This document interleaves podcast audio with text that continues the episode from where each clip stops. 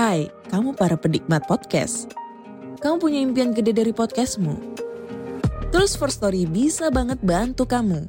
Mulai dari F-Link, Dynamic Audio Insertion, sampai statistik yang komprehensif. Semua ada di First Story.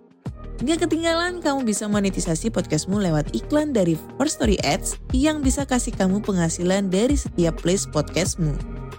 Yuk gabung sekarang dengan klik di firststory.me. Sekali lagi, klik di firststory.me. Mari kita bawa mimpi podcastingmu menjadi kenyataan. Podcast ini bekerja sama dengan First Story. Kalau kalian belum pernah dengar First Story, ini adalah platform palu gada baru yang paling keren dan memiliki fitur yang lengkap. Dan yang paling menarik, podcastmu bisa dimonetasi loh. Tunggu apa lagi? Yuk buruan, gapai potensi maksimal podcastmu dengan tools dari platform hosting terbaik untuk para podcaster. Daftarkan sekarang di firststory.me. Dijamin gratis.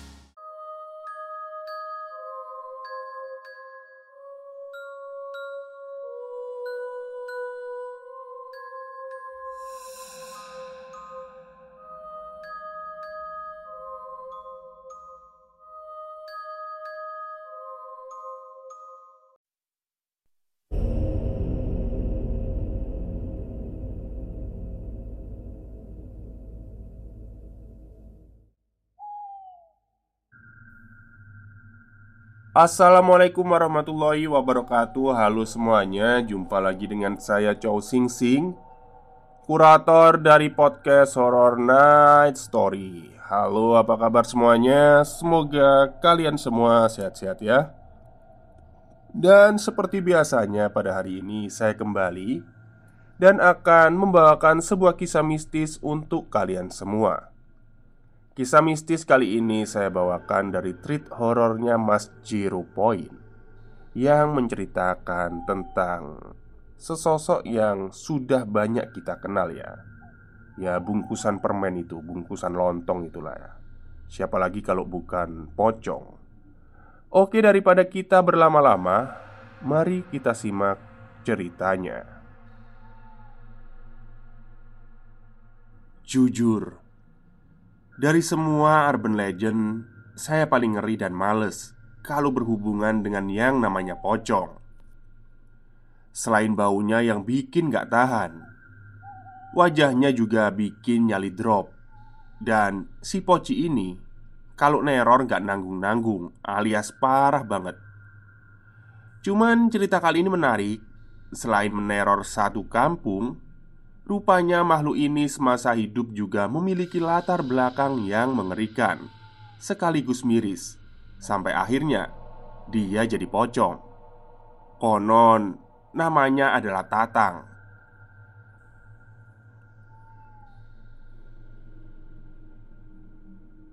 Bermula dari seorang kawan.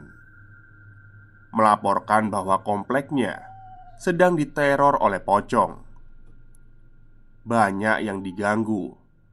Dan yang paling parah terakhir, dia meneror satu keluarga. Saya yang penasaran menyambangi rumah teman saya, lalu diantar ke rumah Kang Rian. Sesampainya di rumahnya, Kang Rian mengajak saya bercerita di saung yang berada di ujung jalan komplek. Kang Rian mulai bercerita dengan suara bergetar. Kalau AA bisa, saya tolong dibantu Ujar Kang Rian.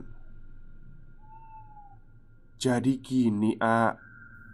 Setelah Pak Tatang meninggal Komplek ini diteror sama pocong. Pak Tatang itu meninggalnya nggak wajar A. Jadi warga menduga itu pocongnya Pak Tatang Kata Kang Rian. Kala itu Kang Rian izin pulang larut malam pada istrinya karena masih ada pekerjaan yang harus diselesaikan di luar. Sang istri, kita sebut saja namanya Rina. Mulanya dia keberatan, tetapi dia tidak punya pilihan lain. Dia tidak mungkin menghalangi suaminya mengejar tuntutan perut. Kala maghrib, Rina menutup semua gorden jendela dan melarang kedua anaknya untuk keluar rumah sesuai perintah suaminya. Suasana maghrib di komplek itu menjadi sepi dan mencekam. Tidak ada warga yang berani keluar setelah matahari terbenam. Sekitar pukul 9 malam, hujan turun. Sang anak, Sheila, 14 tahun Berada di kamarnya dan sedang bersiap untuk tidur. Sheila mematikan lampu kamar. Gordon sekilas tersingkap. Sheila melihat seperti ada yang melongok dari balik jendela kamarnya. Bulu romanya meremang. Sheila merasa merinding hebat Angin dalam ruangannya terasa berhembus lebih dingin dari biasanya. Sheila yang semula ragu memilih untuk memastikan. Selain karena penasaran, dia juga takut ada orang jahat yang memanfaatkan situasi teror ini. Sheila melangkah keluar perlahan. Gordon itu tersingkap kilat sekali lagi. Kali ini jelas dia melihat ada yang melongok dari balik jendelanya. Rupanya, yang Sheila lihat, dia mengenakan baju putih. Dia mendekat. Jantung Sheila mendadak berdegup lebih kencang. Sheila memilih untuk tetap memastikan, dan benar saja sekujur tubuhnya mendadak kaku. Sesosok makhluk terbungkus dengan kain putih. Wajahnya gosong, kurus, seperti hanya tengkorak hitam saja. Tak ada hidung dan mulut, hanya ada mata yang bolong. Sosok itu terlihat jelas dari balik sela-sela jendela. Mulanya agak jauh, Ingin sekali Sheila berteriak, tapi lidahnya menjadi keluh. Sosok itu menghilang, dan teriakan Sheila muncul. Begitu sosok itu muncul lagi dan menempelkan muka gosongnya ke kaca jendela di hadapan Sheila. Sontak, Rina menghampiri anaknya yang tengah berteriak itu di dalam kamar. Mama, tadi ada pocong, Ma. Terang Sheila gemetar. Tangannya menunjuk ke arah jendela. Rina mencoba menenangkan anaknya. Kemudian dia mengajak Sheila untuk tidur di kamarnya bersama Widi, adik Sheila. Tak, tak, tak. Pintu rumah diketuk. Sheila ketakutan Begitu juga dengan Rina. Tapi Dia harus kontrol rasa takutnya Demi menjaga anak-anaknya. Rina mengumpulkan sisa-sisa keberaniannya. Dia beranjak ke arah pintu. Tak Tak Tak. Pintu itu terketuk lagi. Mah ini ayah. Ada suara terdengar dari luar. Rina menghembuskan nafasnya lega. Ternyata suaminya sudah pulang. Rina Membukakan pintu Menyambut hangat suaminya. Kamu kenapa kok pucat gitu? Tanya Rian. Udah Masuk dulu ah Ajak Rina mereka masuk ke kamar. Pintu ditutup dan baru dua langkah pertama, pintu sudah terketuk kembali. Tak, tak, tak, tak, tak, tak, tak, tak, tak. Kali ini jelas tanpa jeda. Suara ketukan pintu itu semakin keras Kang Rian yang kesal dengan suara ketukan itu berbalik arah. Ternyata Sesosok pocong berwajah gosong, bermata bolong, dan kurus seperti tengkorak berdiri tepat di hadapan Kang Rian. Wajah mereka hanya berjarak satu jengkal. Kang Rian terpental ke belakang. Kakinya mendorong pintu menutup keras. Tak kalah terkejutnya, Rina juga shock.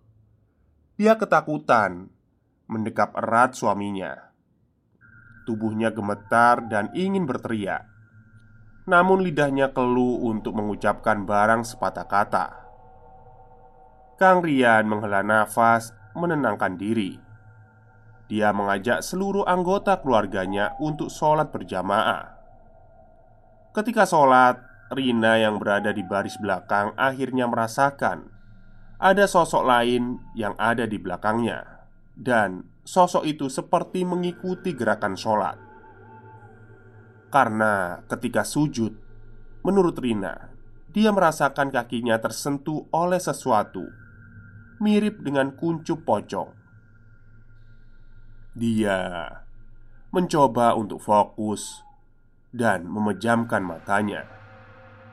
Syukurlah, setelah mereka melaksanakan sholat, teror berhenti. Mereka tidur bersama di ruang tamu atas permintaan Kang Rian untuk menghindari hal-hal yang tidak diinginkan.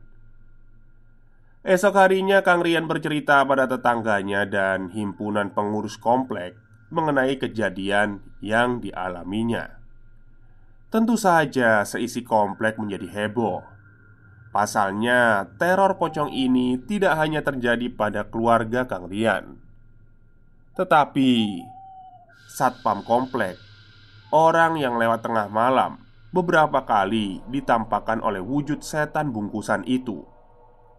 Karena kejadian teror ini berkepanjangan, warga sepakat untuk menambah lampu penerangan jalan yang tampak sudah redup.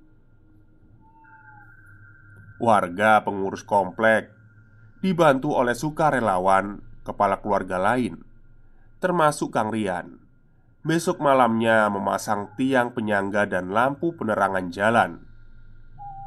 Kenapa masang lampu dilakukan malam hari? Pasti itu pertanyaan kalian, kan? Karena mayoritas warga di sini hanya memiliki waktu luang pada malam hari. Siang harinya mereka memiliki aktivitas lain di pekerjaan masing-masing. Malam itu sekitar pukul 11 malam Warga yang akan ikut memasang lampu sudah berkumpul di pos jaga komplek. Namun kegiatan baru benar-benar dimulai saat pukul 1 dini hari. Beberapa titik baru yang tersebar di perumahan yang cukup luas ini sudah mereka pasang. Hingga pada pukul setengah empat, kegiatan itu masih belum selesai. Masih ada empat titik terakhir yang perlu dipasang. Kali ini mereka sedang berada di area terbelakang komplek, di mana di sana ada rumah besar setengah jadi milik almarhum Pak Tatang. Hawa tak enak dan merinding mereka rasakan meski berusaha mengabaikan karena memang sedang ramai-ramai. Saya ke pos dulu ya, nyeduh kopi. Pada mau nggak?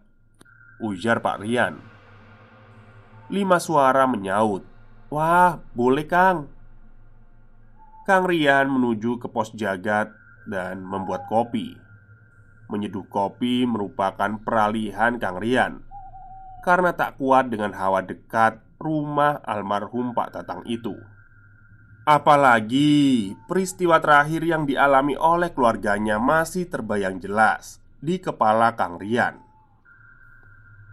Setibanya di pos jaga, Kang Rian tidak melihat siapa pun di sana.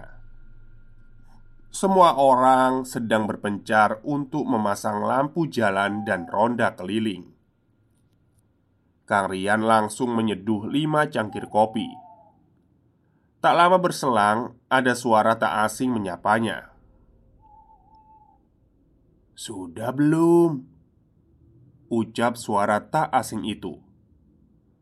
Sontak Kang Rian menoleh Dan Betapa terkejutnya dia melihat sosok almarhum Pak Tatang di hadapannya.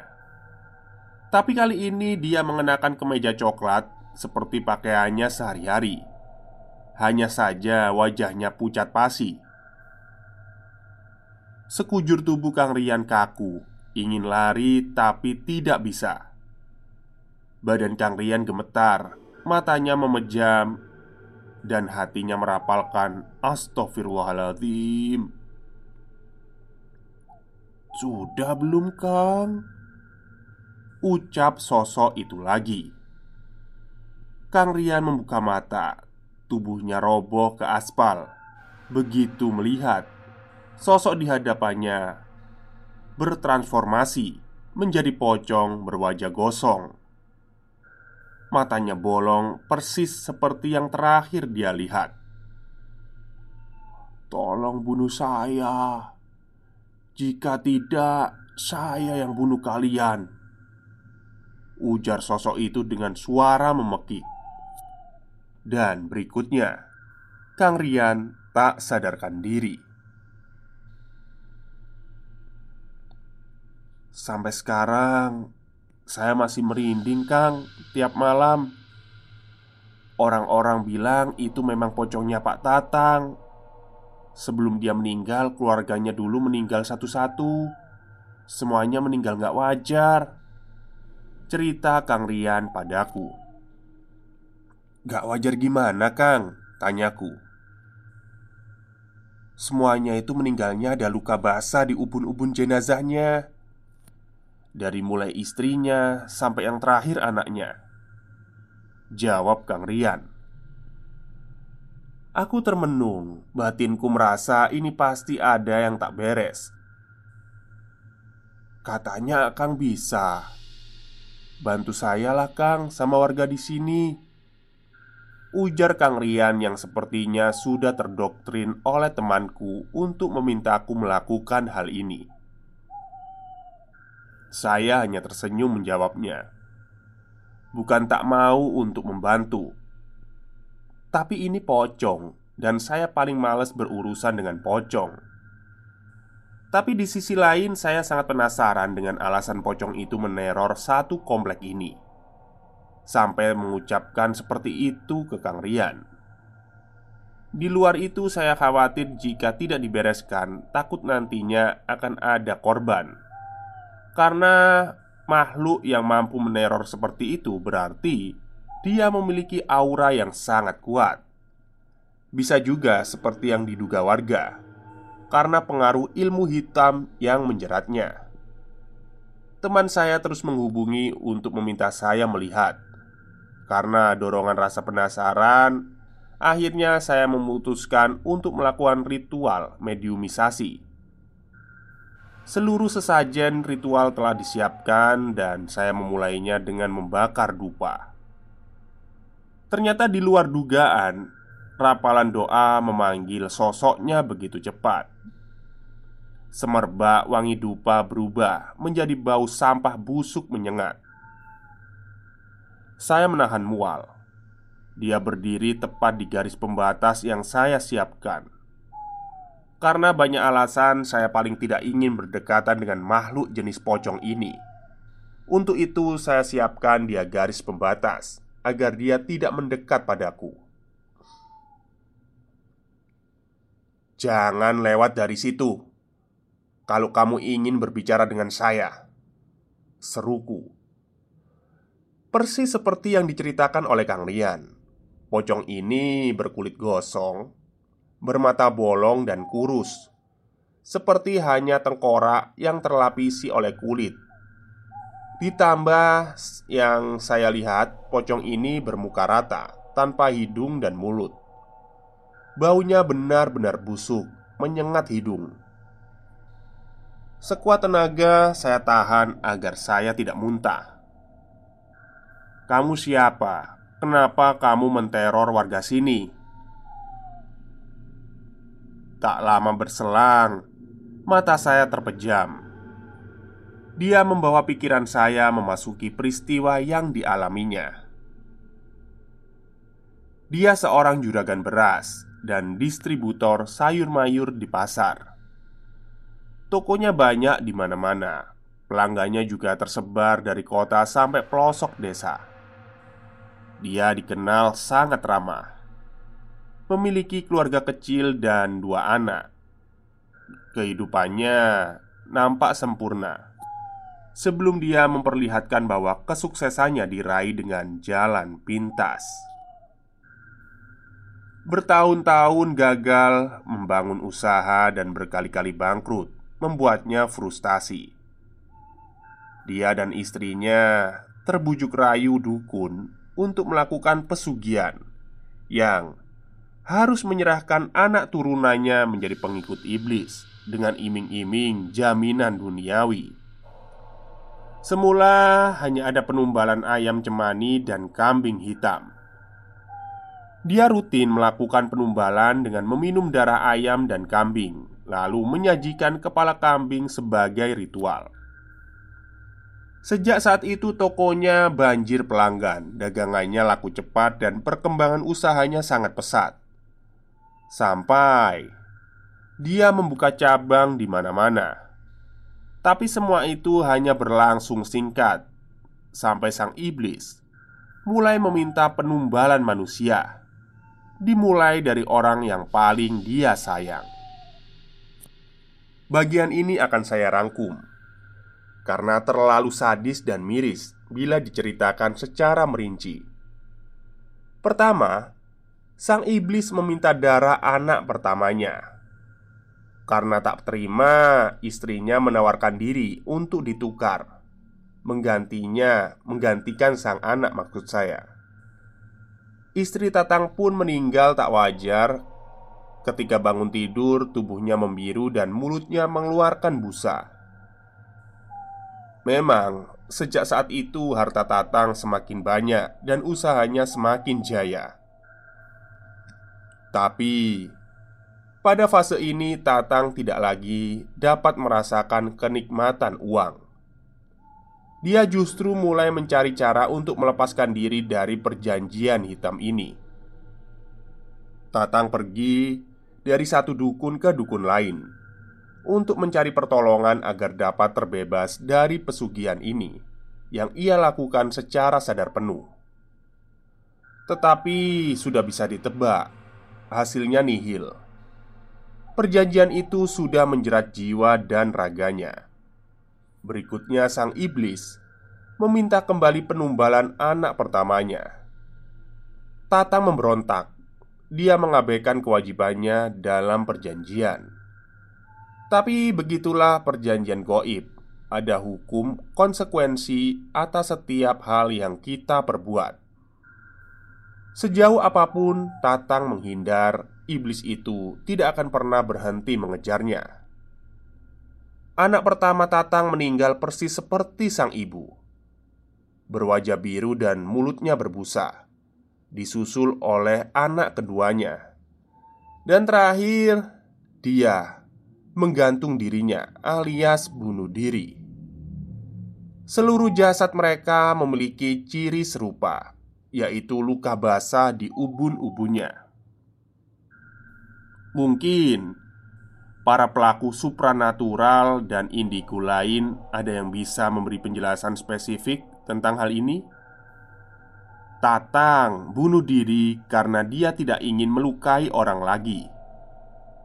Dia berpikir dengan bunuh diri maka perjanjiannya dengan iblis otomatis terputus. Tapi ternyata hingga dia mati, arwahnya menjelma menjadi pocong dan dia masih akan terus mencelakai orang karena pengaruh ilmu hitam yang telah menguasai dan merenggut jiwanya. Tolong bunuh aku lagi. Jika tidak, aku akan terus membunuh orang. Ujar Tatang. Dia meminta bantuan agar dirinya harus dimusnahkan. Aku tak kuat berlama-lama Baunya sangat menyengat. Dupa yang aku bakar tidak lagi wangi, melainkan mengeluarkan aroma busuk yang menyerbak. Aura negatif juga semakin menjadi-jadi. Khawatir jika tidak bisa dihentikan, dia akan lepas kendali dan malah menyerangku. Mengetahui hal itu, jujur aku merasa miris dan prihatin. Dia menyadari kesalahannya di situasi yang sudah terlambat. Tapi benar katanya, dia harus dihentikan.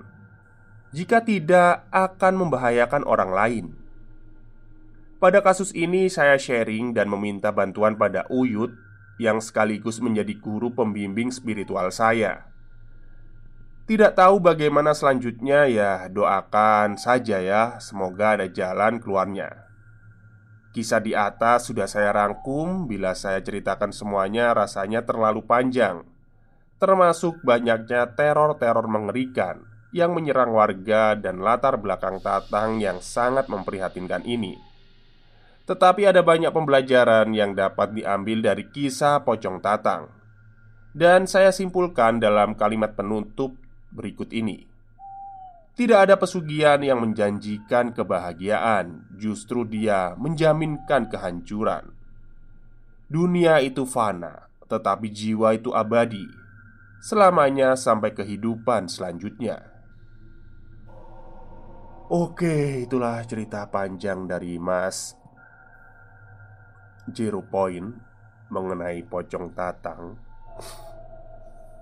Jadi uh, memang segitu ya ceritanya ya dan tidak diceritakan belum mungkin ya belum diceritakan bagaimana proses pemusnahan pocong tatang ini.